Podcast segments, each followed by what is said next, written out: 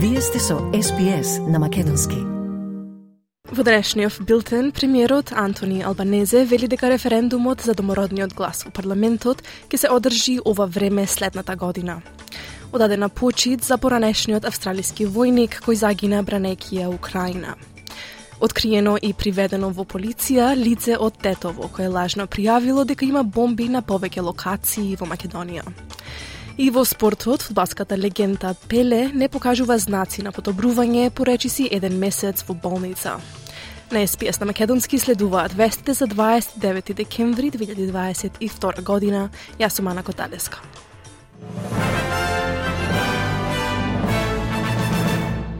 Премиерот Антони Албанезе вели дека референдумот за домородниот глас во парламентот ќе се одржи ова време следната година. Тој ја даде таа обврска во обраќањето на фолк фестивалот Woodford во Квинсленд вчера, велејќи дека тоа треба да биде инклузивен момент на национално единство и помирување. This can indeed be an inclusive moment of national unity and reconciliation.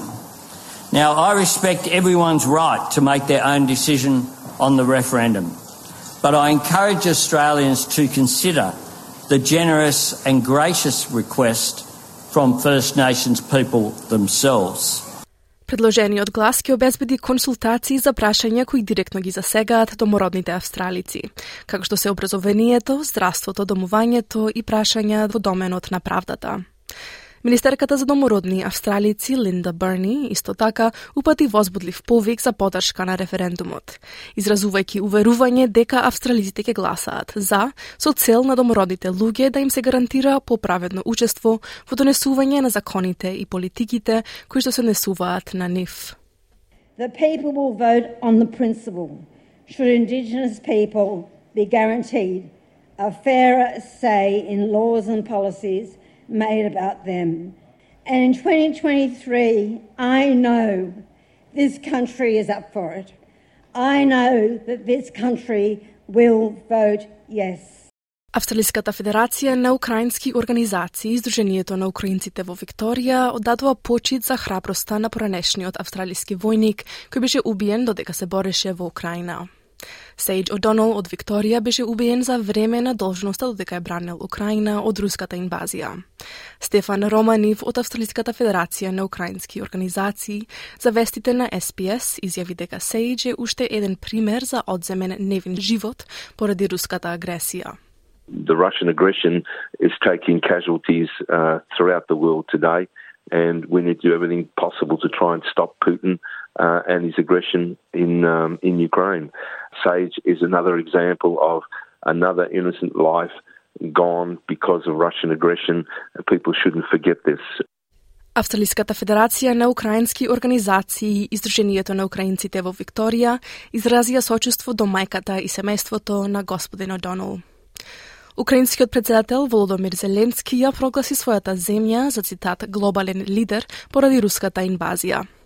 Во годишниот говор, одржан зад затворени врати поради војната, председателот Зеленски рече дека војната одбрана на Украина против Кремљ му помага на Западот, повторно да се најде себе си и да се врати како сила на глобалната сцена.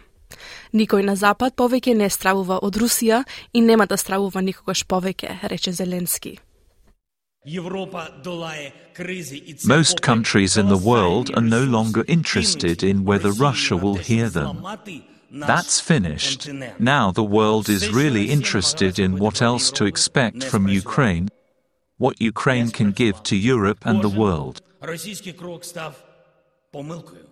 Наші кроки спрацювали. Господин Зеленски додаде дека е време да почнат преговорите за членство на Украина во Европската Унија.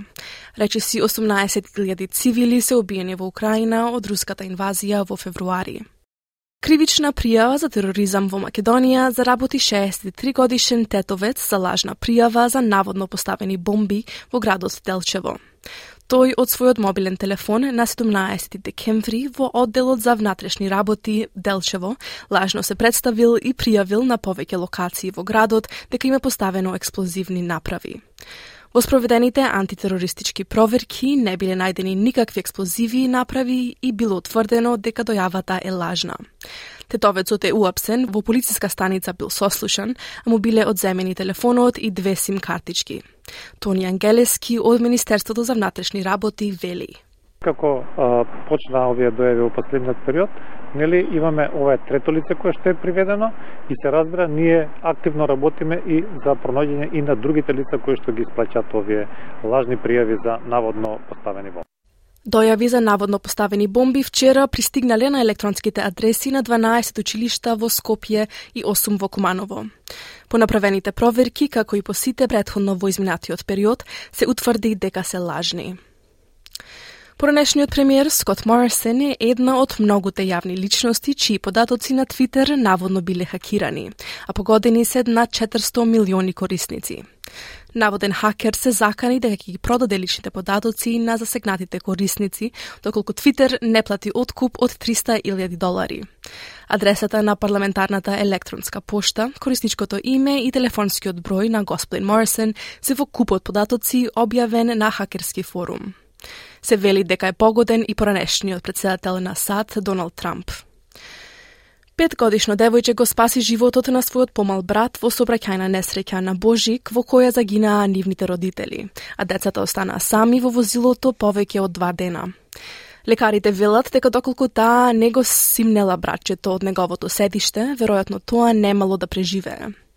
Джейк Дей и Синди Брадек загинаа откако нивниот автомобил се излизгал од патот на околу 10 километри оддалеченост од нивниот дом во Западна Австралија. Нивните три деца беа пронајдени 55 часа по инцидентот, заробени во превртениот автомобил со нивните мртви родители.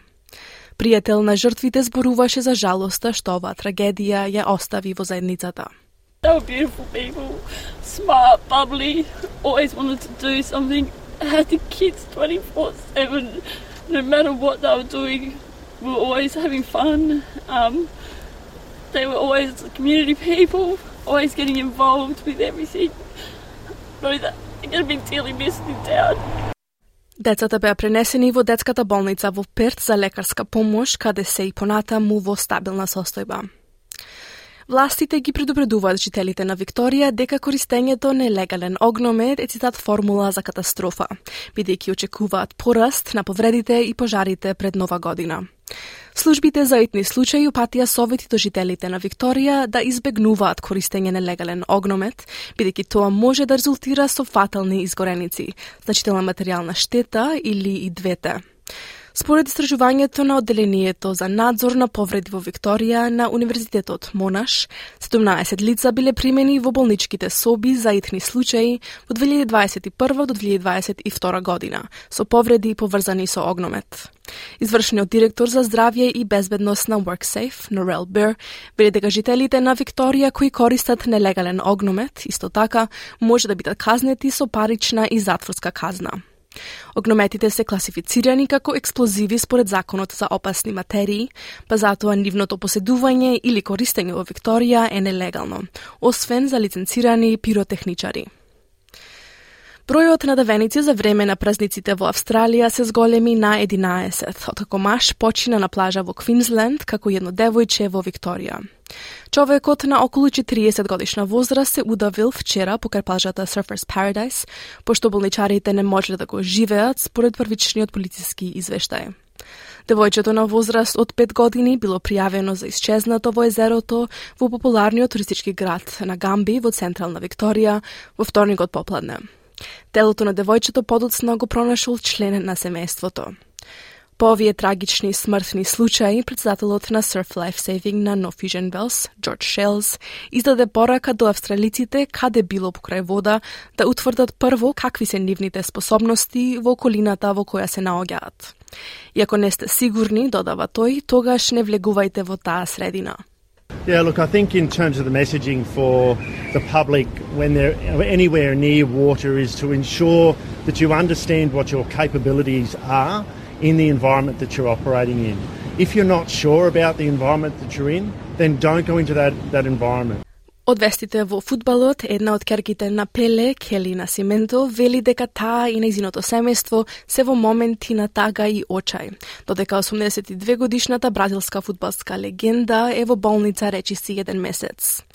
Трикратниот победник на светскиот куп боледува од рак во напредна фаза, а лекарите во болницата Алберт Айнштайн во Сао Пауло неодамна тврдеа дека тој е под цитат зголемена грижа поврзана со дисфункции на бубрезите и срцето.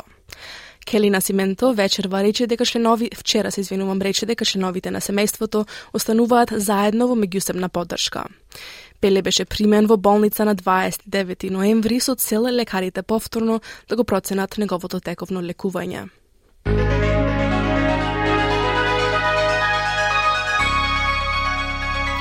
Од најновата курсна листа денеска, еден австралијски долар се менува за 0,63 евро, 0,67 американски долари и 38,60 македонски денари, додека еден американски долар се менува за 57,25 македонски денари, а едно евро за 60,95 македонски денари.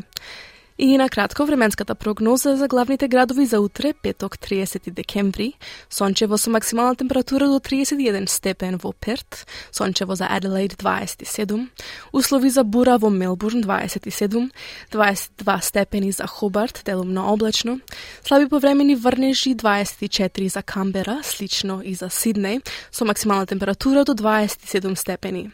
Идентична прогноза и за Бризбен, слаби повремени врнежи со максимална до 27 степени. Во Дарвин врнежливо со услови за бура 31 степен и во Алис Спрингс претежно сончево 34 степени.